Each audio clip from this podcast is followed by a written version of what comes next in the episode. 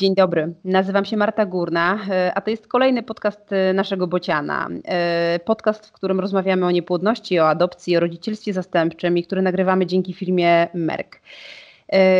Gościem dzisiejszej rozmowy jest pani dr Katarzyna Kozioł, znakomita ginekolożka i położniczka, specjalistka endokrynologii ginekologicznej.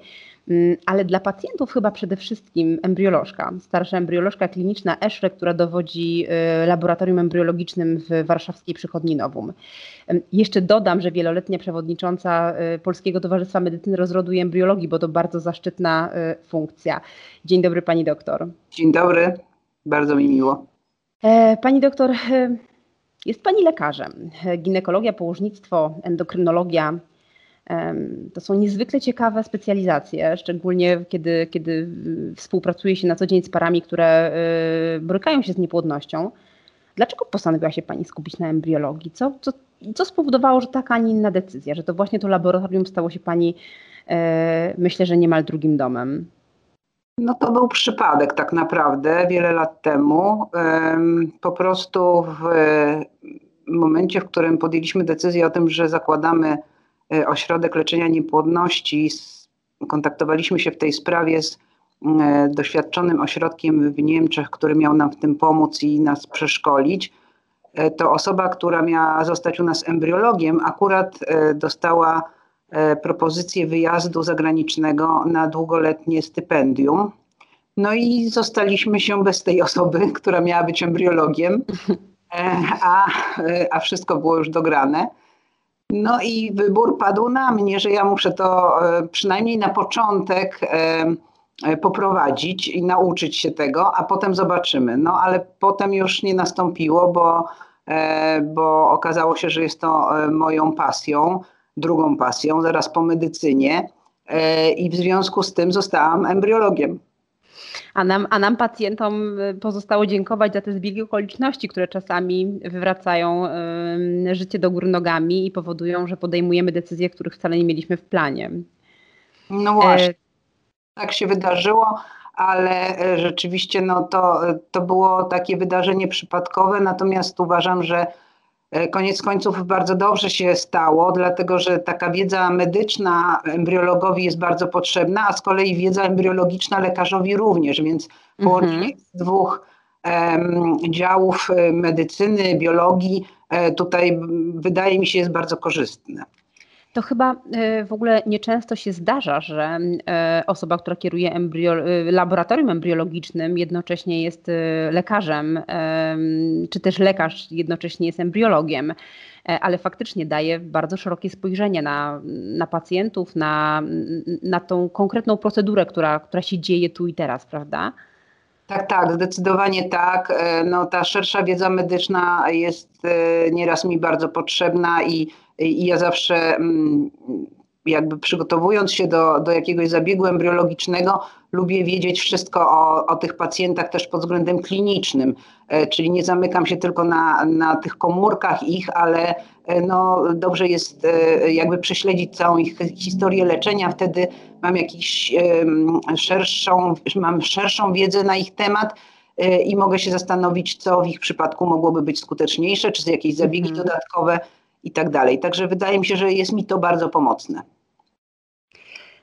Pani doktor, dlaczego jest tak, a proszę mnie poprawić, jeżeli się mylę, ale wydaje mi się, że tak trochę jest, że, że embriolodzy wciąż pozostają w cieniu lekarzy, że pacjenci szukając miejsca, w którym będą się leczyć, e, zaciągając opinii wśród e, przyjaciół, znajomych e, czy, czy gdzieś w sieci na temat tego, gdzie się leczyć, tak naprawdę szukają lekarzy. Szukają lekarzy i dzielą się opiniami dotyczącymi y, właśnie tego, w jaki sposób są prowadzeni przez lekarzy w klinikach.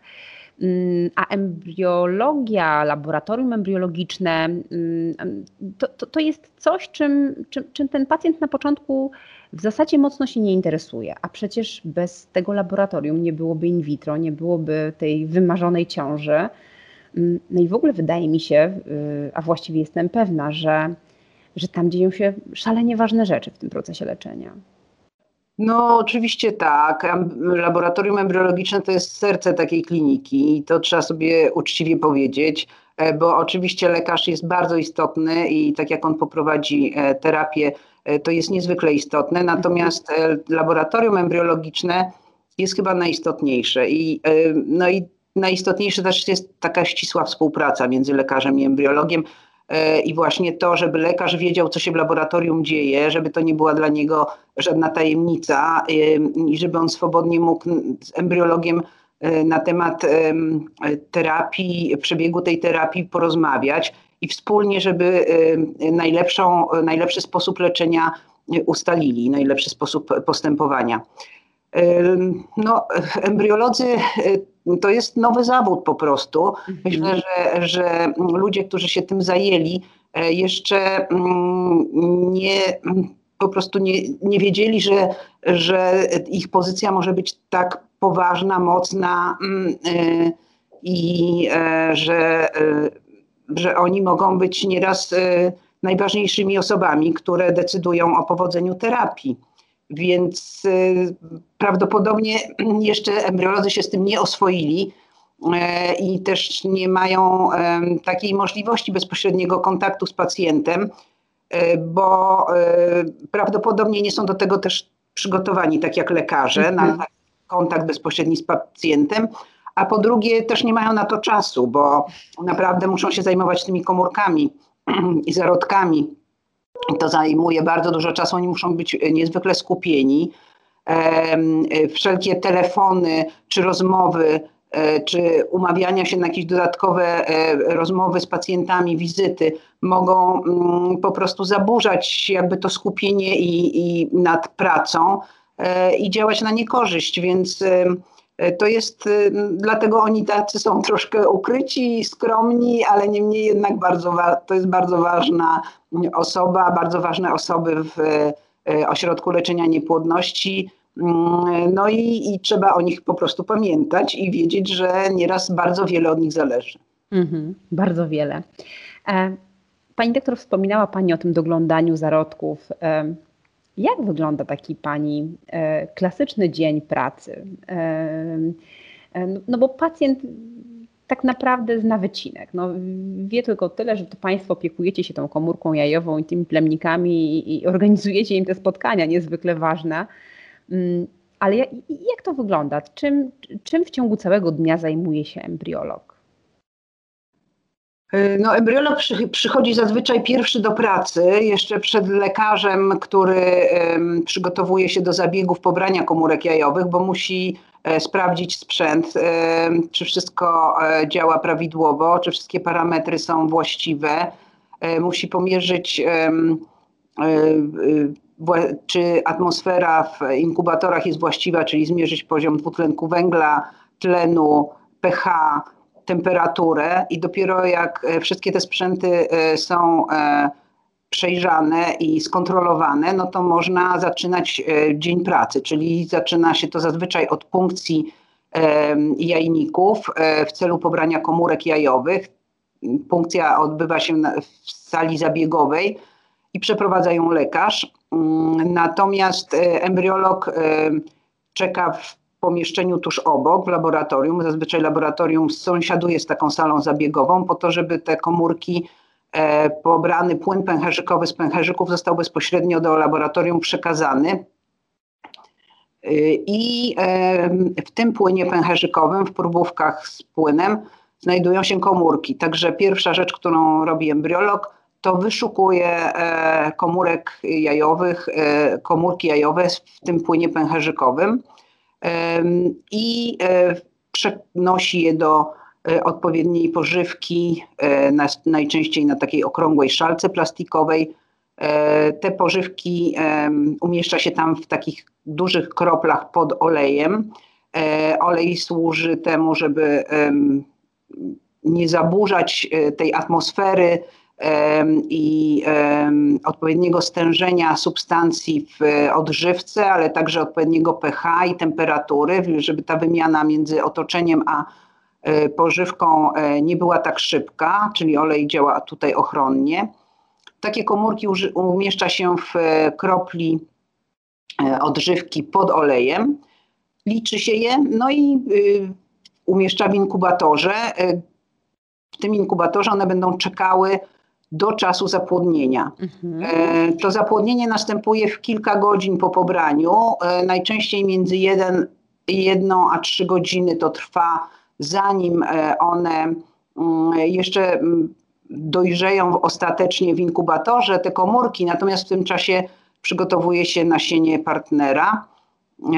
I to nasienie też po tak zwanej preparatyce musi odczekać przynajmniej godzinę w inkubatorze e, po to, żeby plemniki uzyskały zdolność do zapłodnienia, e, czyli żeby zaszła kapacytacja, tak to się nazywa. To jest właśnie uzyskiwanie zdolności do zapłodnienia. No i po tym czasie mm, dochodzi do zapłodnienia. E, jest to albo zapłodnienie tak zwane pozaustrojowe, tak zwane klasyczne, in vitro klasyczne, kiedy y, nasienie partnera zazwyczaj ma dobre parametry, czyli tych plemników jest dużo i są ruchliwe i jest szansa, że one same zapłodnią mm, te pobrane komórki, wtedy po prostu umieszcza się e, odpowiednią e, ilość e, takiego płynu, w którym zawieszone są plemniki po preparatyce, tylko te ruchliwe i najlepsze. Umieszcza się małą kropelkę e, takich, e, ta, takiego płynu z plemnikami e, w tej dużej kropli pożywki wraz z komórkami i znowu wstawia się tą szalkę do kolejnego inkubatora hodowlanego, gdzie one mm, mają za zadanie zapłodnić się samoistnie. Mhm. Natomiast jeśli do tego zapłodnienia nie może dojść, ponieważ parametry nasienia, czyli liczba albo ruchliwość plemników jest bardzo słaba, no to wtedy sięgamy po metodę, która się nazywa mikroiniekcja plemnika do komórki jajowej, czyli pomagamy po prostu wejść temu plemnikowi do wnętrza komórki jajowej przy pomocy specjalnych mikroigieł e, szklanych. E, taką mikropipetką e, chwyta się i najpierw unieruchamia, a potem chwyta plemnik i wstrzykuje do wnętrza komórki jajowej. E, te komórki jajowe tuż przed mikromanipulacją muszą być jeszcze pozbawione takiego, takich, takiej warstwy komórek ziarnistych, które e, normalnie otaczają komórkę, służą jej jako ochrona, e, pełnią funkcje odżywcze i te komórki, te odżywcze zostają zazwyczaj, jeśli to zapłodnienie ma być klasyczne. Natomiast no, jeśli to zapłodnienie będzie metodą mikroiniekcji plemnika do komórki, to musimy te komórki umyć z, tych, z tej warstwy komórek odżywczych, bo wtedy nie byłoby to możliwe ze względów technicznych, żeby zrobić to zapłodnienie, przeprowadzić, e, więc najpierw się je myje, a potem e, po kolei każdą e, komórkę zapładnia. Jedyne, tak, słucham. Chciałam, chciałam tylko uściślić, żeby e, słuchacze nie mieli wątpliwości. Ta metoda, o której teraz Pani opowiada, ona e, najczęściej e, nazywana jest skrótem ICSI. Tak, tak, tak, też najczęściej pacjenci o niej się wyrażają, że to jest metoda ICSI, ewentualnie IMSI, jeżeli odbywa się w większym, w większym powiększeniu. Proszę poprawić, jeżeli się mylę, ale tak, tak. tutaj dla jasności dla słuchaczy. Tak, tak, oczywiście ma Pani rację. E, w skrócie nazywa się to ICSI, czyli Intracytoplasmic Sperm Injection, to jest z angielskiego. IMSI, e, jeśli e, wstrzykujemy plemnik najpierw obejrzany pod dużym powiększeniem optycznym około 1000-1500 razy, a cyfrowo to opisywane jest nawet 6000 razy i wtedy wstrzykiwany taki plemnik, to metoda nazywa się IMSI. Jest też metoda PIXI, mhm. czyli Physiological ICSI, kiedy przed wstrzyknięciem e, plemnik e, jest selekcjonowany przy pomocy kwasu hialuronowego, tylko te plemniki, które jakby przyczepiają się do miejsc pokrytych kwasem hialuronowym, e, są wtedy wybierane, uważane, że są, uważane jest, że są najbardziej dojrzałe i mają najlepsza, najlepszą szansę na zapłodnienie. Także tu mamy trzy metody. Mhm. Ale ostatecznie to embriolog y, na podstawie y, no, różnych markerów, które są stosowane w poszczególnych metodach, wybiera mm, ten, ten jeden jedyny. Ten, ten plemnik, który zostanie wstrzyknięty y, tą, tą mikroigłą, o której pani doktor opowiadała, do komórki jajowej. I tak mm, myślałam o tym, przygotowując się do rozmowy z Panią, czy, czy macie Państwo poczucie jakiejś sprawczości w tym momencie, bo to, to taka szalenie ważna decyzja, bo mamy komórki jajowe e, i, i tutaj e, mogłoby się wydawać, że od tego, który z plemników zostanie użyty do tego, żeby zapłodnić tą komórkę, mm, no to w konsekwencji nie tylko wynikiem będzie to, czy to zapłodnienie będzie skuteczne, czy nieskuteczne, ale też, e, też no, urodzi się konkretny człowiek finalnie. Czy, czy mają Państwo takie poczucie, że tutaj takie niezwykle istotne decyzje podejmujecie? To trudne pytanie. Ogólnie e, pewno powinniśmy mieć, ale staramy się nie mieć. Staram się nie, nie myśleć o tym aż tak głęboko. E, staram się podejść, podchodzić do tego zadaniowo, wybrać najlepszy plemnik, który ma największe szanse na zapoczątkowanie ciąży o prawidłowej budowie morfologicznej, prawidłowej ruchomości. Oczywiście jest ich wiele, ale no przy okazji Mm, e, przy okazji oczywiście e, na pewno wybieram to jakąś tam intuicją, natomiast staram się e, nie, nie myśleć o tym aż tak głęboko, że, że ode mnie zależy jakaś bardzo ważna rzecz i że to jest w jakiś sposób sprawcze. Ja myślę, że mm -hmm. jestem raczej narzędziem. A ale też ta intuicja, o której pani, tak, ale też ta intuicja, o której pani doktor mówi, wynika bezpośrednio z doświadczenia i z setek, jak nie tysięcy przeprowadzonych tego typu zabiegów. I, i, I ona po prostu jest wypadkową wszystkiego, co Państwo zrobiliście dotychczas i, i, i sprawia, że, e, no, że pracujecie skutecznie. Tak, na pewno tak. Oczywiście, że tu doświadczenie ma e, kolosalne znaczenie. Mm, bo, bo po prostu y, no, kilkadziesiąt lat, już niestety 20, 26, więc można już tak powiedzieć, doświadczenia robi swoje i, i już możemy bazować na tym swoim doświadczeniu i, i wiedzieć, i ta intuicja nam często bardzo dobrze podpowiada, e, mhm. który ty, ten plemnik może być najlepszy. E, są pacjenci, historie, które w jakiś szczególny sposób zapisały się w Pani pamięci?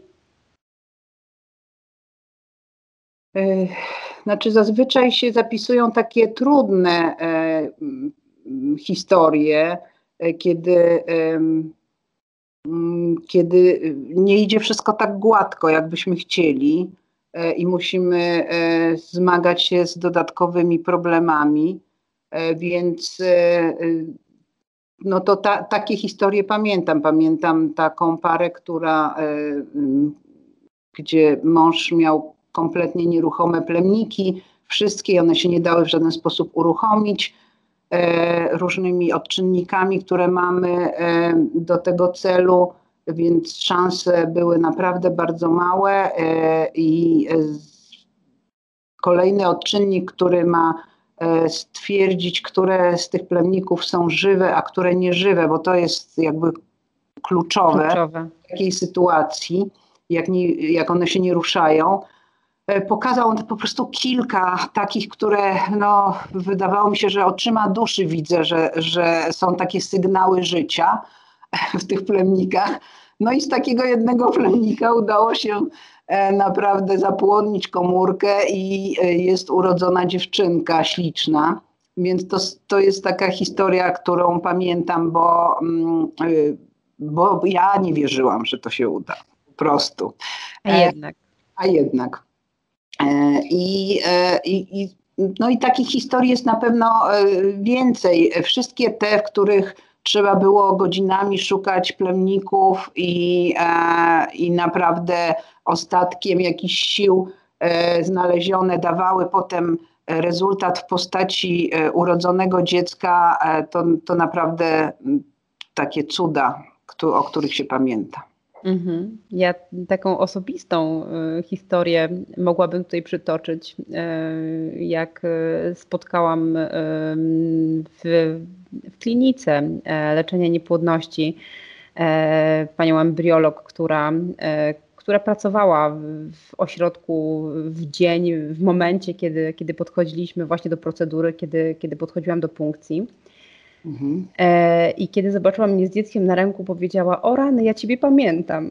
I było to dla mnie też niesamowicie wzruszające, że, że, że zapamiętała, ale zapamiętała dokładnie z takich samych powodów, o których pani doktor powiedziała. Zapamiętała dlatego, że, e, że bardzo długo e, musiała szukać tego, te, tego plemnika, dzięki któremu urodziło się moje dziecko. I, i myślę, że takich historii jest wiele. My na co dzień z pacjentami, którzy, którzy doczekali się dziecka w sytuacji, kiedy właściwie no, no, niemalże nie mieli na nie szans, a już na pewno nie mieli na nie szans, gdyby nie y, pomoc medycyny. Rozmawiamy i oprócz tego, że mm, towarzyszymy pacjentom w trudnych momentach, to też mamy tą przyjemność słuchać tych fantastycznych historii, y, gdzie, gdzie doczekaliśmy się wszyscy wspólnie happy endu. Mm, a tymczasem w Polsce ciągle toczy się trudna dyskusja na temat y, tego, czy leczenie niepłodności metodą in vitro jest etyczne, czy jest słuszne, czy powinno być refundowane. A w centrum tej dyskusji no wydaje się, że są zarodki. To, czy, mm, czy my mamy prawo do tego, żeby je mrozić, czy my mamy prawo do tego, żeby E, tych zarodków było więcej niż e, para decyduje się przyjąć e, podczas transferu. Dlaczego tak się dzieje? I, I gdybyśmy spróbowali obalić kilka mitów dotyczących tych zarodków powtarzanych przez przeciwników metody in vitro, na przykład tego, że zarodki są niszczone albo że są jakoś selekcjonowane w sposób, który nie powinny być selekcjonowane, czy to się dzieje w klinikach, czy nie? Znaczy, mam nadzieję, że się nie dzieje. Na pewno nie dzieje się to u nas. Jest ustawa, która dokładnie już teraz reguluje, co może się dziać z zarodkami, więc, więc e, wszystkie kliniki, które mają pozwolenie Ministerstwa Zdrowia, muszą się do, do tej ustawy stosować. No a ustawa mówi, że żaden zarodek nie może być zniszczony. I wszystkie zarodki, które by z jakiegokolwiek powodu miały być niewykorzystane przez e, biologicznych rodziców, e, po 20 latach mogą przejść jedynie do dawstwa. Także tutaj nawet e, no, czy nie, nie ma żadnej, żadnego, żadnej możliwości manewru. Zarodki są chronione i mogą być tylko podane podczas transferu. Każdy zarodek, który ma potencjał rozwojowy, może być jedynie transferowany, przechowywany w, w ośrodku, w banku. Mm, a finalnie transferowany. Mm, ale wspomniała Pani właśnie o tym, że po 20 latach to przejście zarodka do dawstwa e, no jest takie właściwie obligatoryjne. Już nie wymaga zgody dawców, tylko e, automatycznie, jeżeli przez 20 lat zarodek nie został wykorzystany przez e, dawców, to przechodzi na rzecz pary, która no, w procesie leczenia chciałaby skorzystać z adopcji zarodka. Ja wiem, że są też pary, które na, na, na oddanie zarodków do adopcji decydują się wcześniej. E, natomiast e, też z rozmów pacjenta, z pacjentami, wielu rozmów, wiem, że to są decyzje niełatwe. E, czy Pani z pacjentami na ten temat rozmawia? Czy, czy, czy, mm, czy to są rozmowy, które odbywają się wyłącznie w gabinecie psychologicznym albo lekarskim, czy embriolodzy też mają sposobność rozmawiać, tłumaczyć, odpowiadać na pytanie pacjentów, którzy decydują się na oddanie zarodków do adopcji. E, Embryolodzy też mają taką możliwość czasami, bo e, głównie zajmują się tym lekarze i psycholodzy, jak, jak pani dobrze wspomniała. Natomiast no, ja, ja z racji tego, że jestem lekarzem, więc czasem też przyjmuję po prostu pacjentów i Poza tym jestem też osobą odpowiedzialną za jakość w ośrodku i w banku, w związku z tym też jestem odpowiedzialna za przygotowanie wszystkich tych dokumentów, które są z tym związane, e, a przy tym informacji dla pacjentów. I bardzo e, dbam o to, żeby w naszej klinice ta informacja do pacjentów docierała, żeby pacjenci byli odpowiednio poinformowani dużo wcześniej, czyli nie mhm. wtedy, kiedy już mają zamrożone zarodki, ale znacznie wcześniej, zanim w ogóle przystąpią do zabiegu in vitro. Z czym ten zabieg się wiąże, jakie decyzje będą musieli podjąć, że to nie tylko jest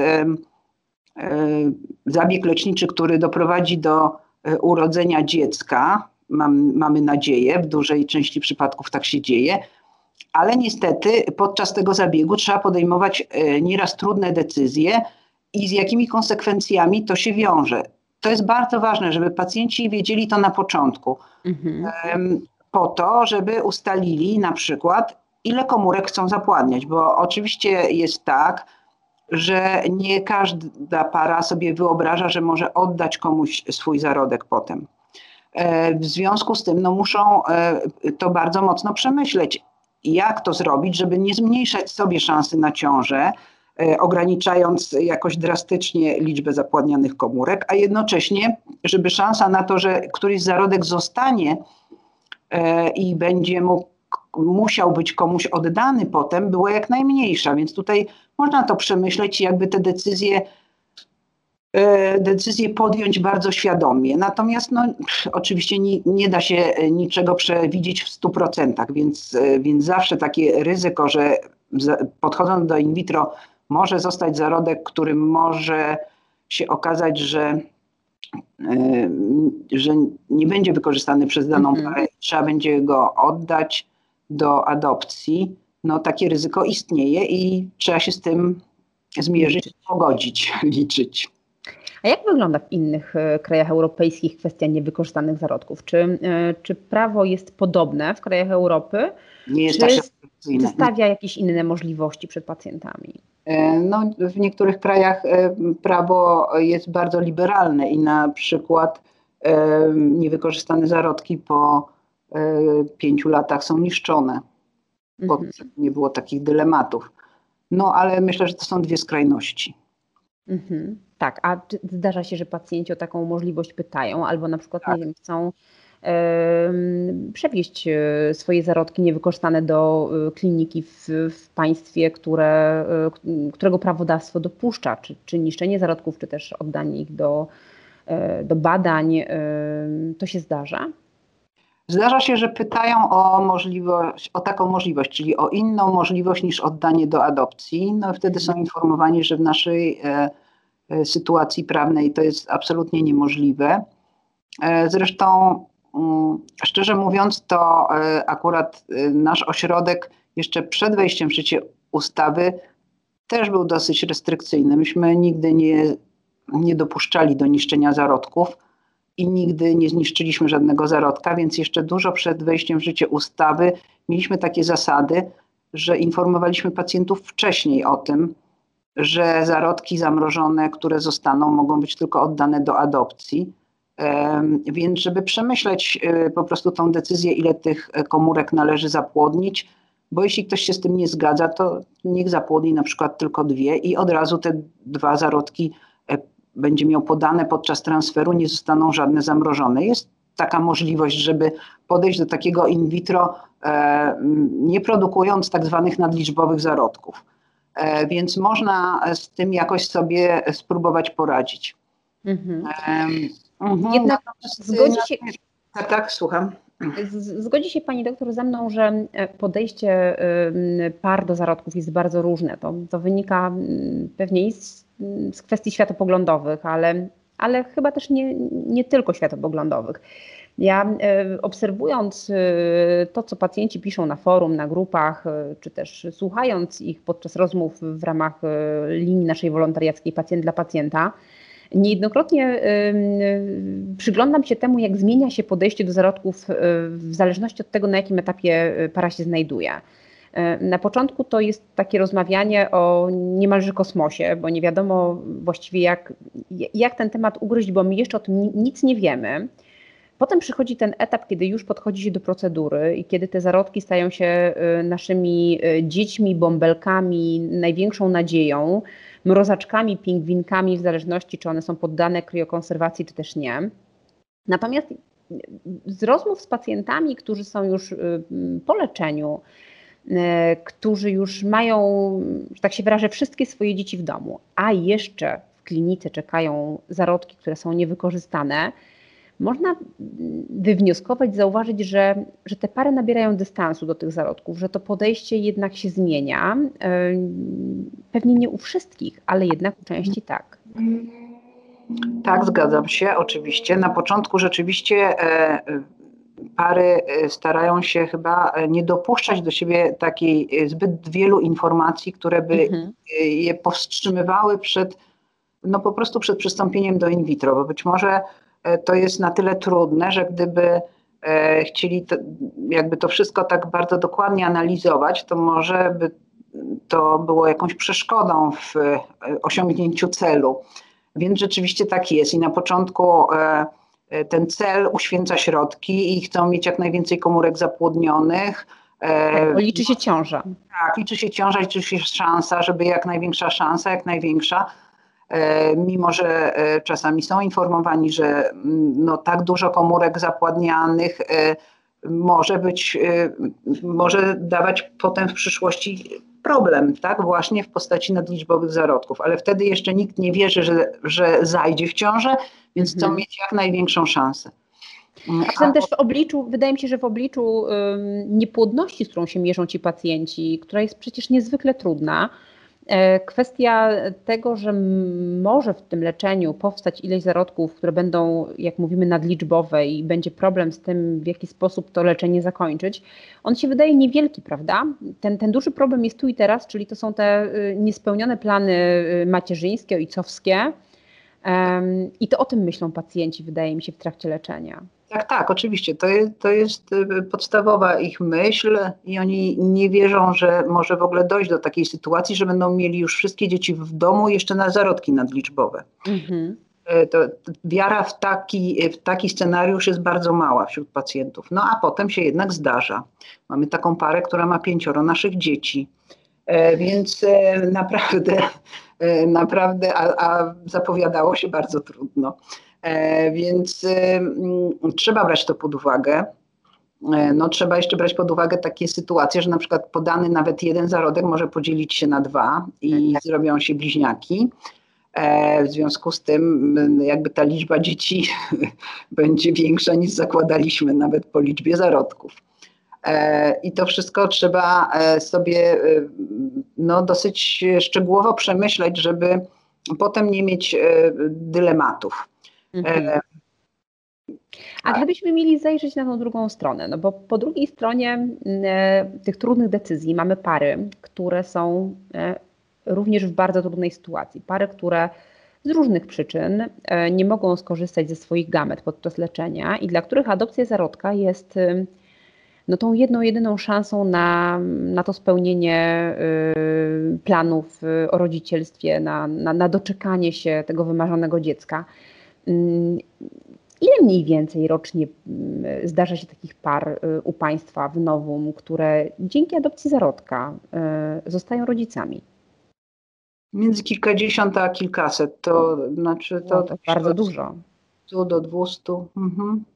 Czyli tam po drugiej stronie, tam po drugiej stronie ktoś czeka. To też, to też y, jest taka wiadomość, która w tym procesie, kiedy podejmujemy decyzję, może nie jest kluczowa, ale ale może być ważna.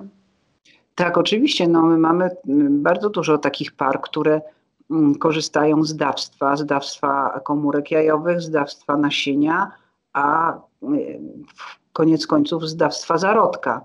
E, czasami ta decyzja o dawstwie zarodka jest e, podjęta tylko dlatego, że jedna strona nie może mieć e, własnych gamet, a druga chce jakby no żeby, żeby ta sytuacja była taka sprawiedliwa, żeby wyrównać, wyrównać status. Wyrównać te, te, te szanse.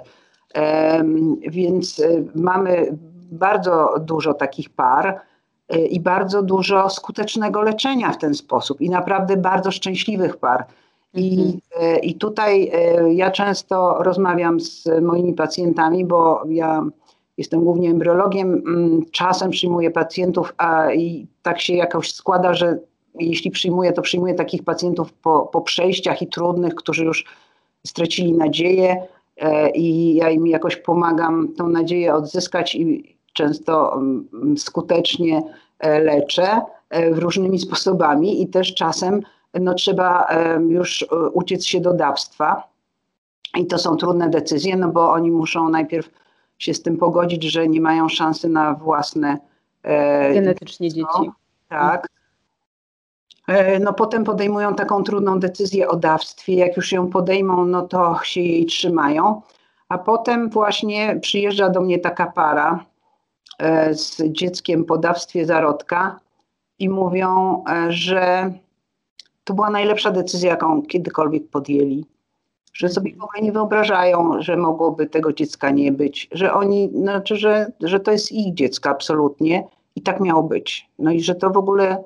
Bo to jest, bo to jest absolutnie ich dziecko. O tym też mm, wszyscy mm, powinni pamiętać, bo to, że Państwo o tym wiecie, pacjenci o tym wiedzą, to jedno, ale jeszcze mamy mm, wokół siebie społeczeństwo, które nie zawsze jest przez tą właśnie trudną rozmowę dotyczącą leczenia niepłodności e, nie zawsze jest w pełni świadome tego, jak wygląda leczenie, jak, i, i jak, jak, jaki ten proces, jak, jak on potrafi być wieloaspektowy.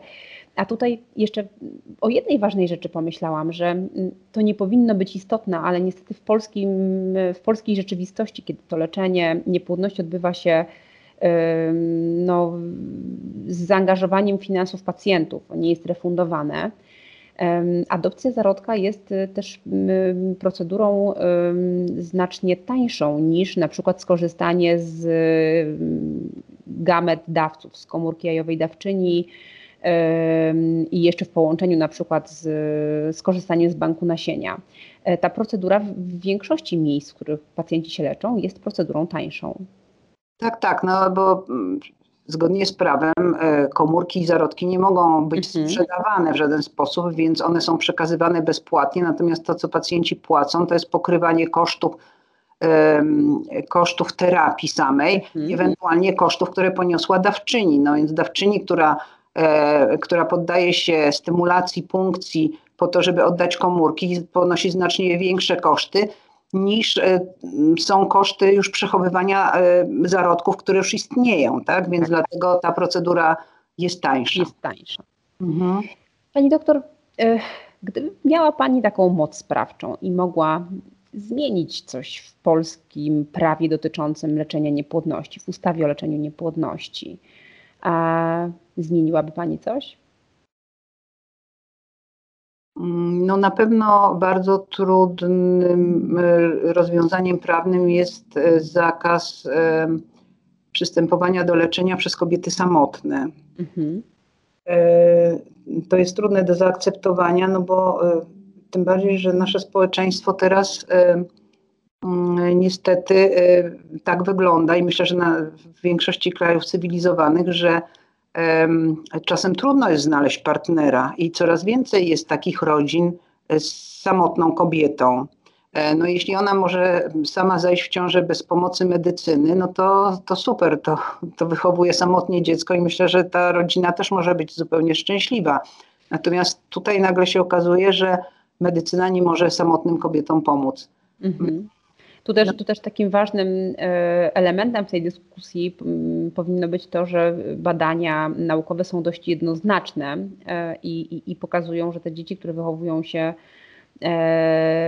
w rodzinie, gdzie jest mama i tata, czy w rodzinie, gdzie jest tylko mama, albo w rodzinie, gdzie są wiem, dwie mamy, że tak jakby ten, ten układ nie jest, nie jest determinujący, jeżeli chodzi o to, czy te dzieci są szczęśliwe, zaopiekowane e, i, i, i jakie mają warunki dorastania. Tutaj te inne czynniki są, e, są istotniejsze, a, a niekoniecznie ten, czy, e, czy mówimy o tym, czy jest mama i tata, mama i mama, czy, czy tylko mama, albo gdzieś tam jeszcze w tle na przykład babcia. To faktycznie, to faktycznie bardzo ważny aspekt. Pani doktor, taki trudny temat, bo, bo wiem, że on dzieli nie tylko opinię społeczną, ale też czasami lekarzy. Anonimowość dawstwa. Znaczy, to jest trudny temat, ponieważ y, no w Polsce y, w ogóle jest trudnym tematem samodawstwo, natomiast zawsze dawstwo było anonimowe. Mhm. I jakiś czas temu rzeczywiście w innych krajach zaczęto e, przechodzić na to dawstwo jawne, uznając y, różne racje i argumentując to w taki sposób, który na początku nawet dla mnie był trudny do przyjęcia, ale e, przez y, ten czas, kiedy to powstawało i się rozszerzało, no, na, ja też doszłam do wniosku, że, że to chyba ma swoje znaczenie i jakby tutaj zmieniłam swoje nastawienie do tego przez te lata. I uważam, że dawstwo jawne chyba jest ważne, ważnym aspektem w przypadku tego rodzaju terapii. No i na pewno powinno należeć do rodziców i ta decyzja, tak, czy oni dziecku powiedzą, czy nie powiedzą, i czy dziecko powinno poznać swoje korzenie, jeśli już to wie. Mhm. To Czyli psychologowie porównują tą sytuację mm, mm, dawstwa czy, czy adopcji prenatalnej w sytuacji, kiedy mówimy o adopcji zarodka na przykład, do, mm, do sytuacji adopcji społecznej, do, porównując prawo do poznania tożsamości przez te dzieci urodzone dzięki dawstwu do tej właśnie do tej, do tej samej potrzeby, która, która jest no, yy, absolutnie nikt jej nie odbiera dzieciom adoptowanym społecznie. Wszyscy się z tym zgadzamy, że dziecko adoptowane społecznie takie prawo ma. Mm, I, yy, I to w większości państw, tak jak pani doktor powiedziała, to właśnie dzieci urodzone dzięki dawstwu były inicjatorami tych zmian. To też mhm. jest istotne, myślę, w tej dyskusji. Tak, to jest istotne i, i nagle jak się czyta takie fora tych dzieci, które mm, się urodziły dzięki dawstwu, to człowiek sobie uświadamia, jak to może być ważne, więc hmm, chyba nie można tego odbierać i myślę, że e, takie restrykcyjne prawo u nas e, no, jest trudne do zaakceptowania pod tym ja, kątem. Ja tylko mogę dodać mm, tytułem uzupełnienia mm, też dla słuchaczy przede wszystkim, e, że do stowarzyszenia naszego zgłaszają się pary, które które chcą, e, są zdecydowane na przekazanie swoich zarodków do adopcji prenatalnej, ale zwracają się do nas z pytaniem, w którym z krajów mogą te zarodki oddać do adopcji jawnej. Właśnie dlatego, że nie dlatego, że mają nadzieję, że te dzieci gdzieś przyjadą i nie wiem, staną w drzwiach i powiedzą: Mamo, tato, odnalazłem was. To zupełnie, to, to zupełnie nie o takie motywacje chodzi tylko właśnie o, o, to poszanowanie tego, że to dziecko z tego zarodka może urodzić się dziecko, bo bądźmy tutaj y, y, szczerzy, ono niekoniecznie się urodzi, znamy jak skuteczność procedur. Natomiast no, jeżeli się to dziecko urodzi szczęśliwie, no to przyjdzie taki moment, że rzeczywiście może chcieć wiedzieć, y, no, gdzie te genetyczne korzenie jego się znajdują i i, i, I, to stąd właśnie z tego wynika, e, z tego wynika taka, nie inna decyzja tych rodziców, e, dawców, zwykle rodziców, dlatego o tym mówię, bo, bo ta myśl e, pojawia się najczęściej u ludzi, którzy już mają dzieci i ta ich perspektywa trochę się zmienia. Oni już mniej w tych procesach decyzyjnych myślą ze swojego punktu widzenia, a, a łatwiej zrozumieć im punkt widzenia dziecka. No tak, tak. E, tak, no to na pewno są bardzo trudne decyzje i myślę, że tacy rodzice, którzy oddają swoje komórki czy zarodki do dawstwa, mm, też chcieliby, e, żeby to dziecko, które się urodzi, mm, miało pełne prawa, tak? I, mhm. e, i to może być dla niektórych bardzo istotne. Pani doktor, czego sobie powinniśmy, właściwie nie sobie, pacjentom, pani, możemy życzyć na koniec tej rozmowy? Jak najwyższej skuteczności leczenia, jak najwięcej happy endów, ciąż. To przede wszystkim, ale też jak największej tolerancji społeczeństwa do, e, jeśli chodzi o ich chorobę i, e, i dzieci z in vitro. E, po prostu, żebyśmy byli tolerancyjni i traktowali niepłodność jak każdą inną chorobę a e, pary, które walczą o swoje dzieci, spotykały się tylko z szacunkiem i podziwem. Mhm. Jeszcze, żeby były jak, naj, jak, jak najbardziej wspierane przez państwo, żebyśmy doczekali się refundacji i takiego równego traktowania chorych, niepłodnych z, z tymi chorymi, którzy zmagają się z innymi chorobami. Zdecydowanie tak. Tego życzymy. Pani doktor, bardzo, bardzo dziękuję za tą rozmowę, za poświęcony nam czas. Y, państwu przypominam, w dzisiejszym podcaście gościłam panią doktor Katarzynę Kozioł, y, ginekolożkę, położniczkę i embriolożkę y, warszawskiego ośrodka, warszawskiej przychodni Nowum. Raz jeszcze bardzo dziękuję za rozmowę. Ja również bardzo dziękuję. Do widzenia. Do widzenia.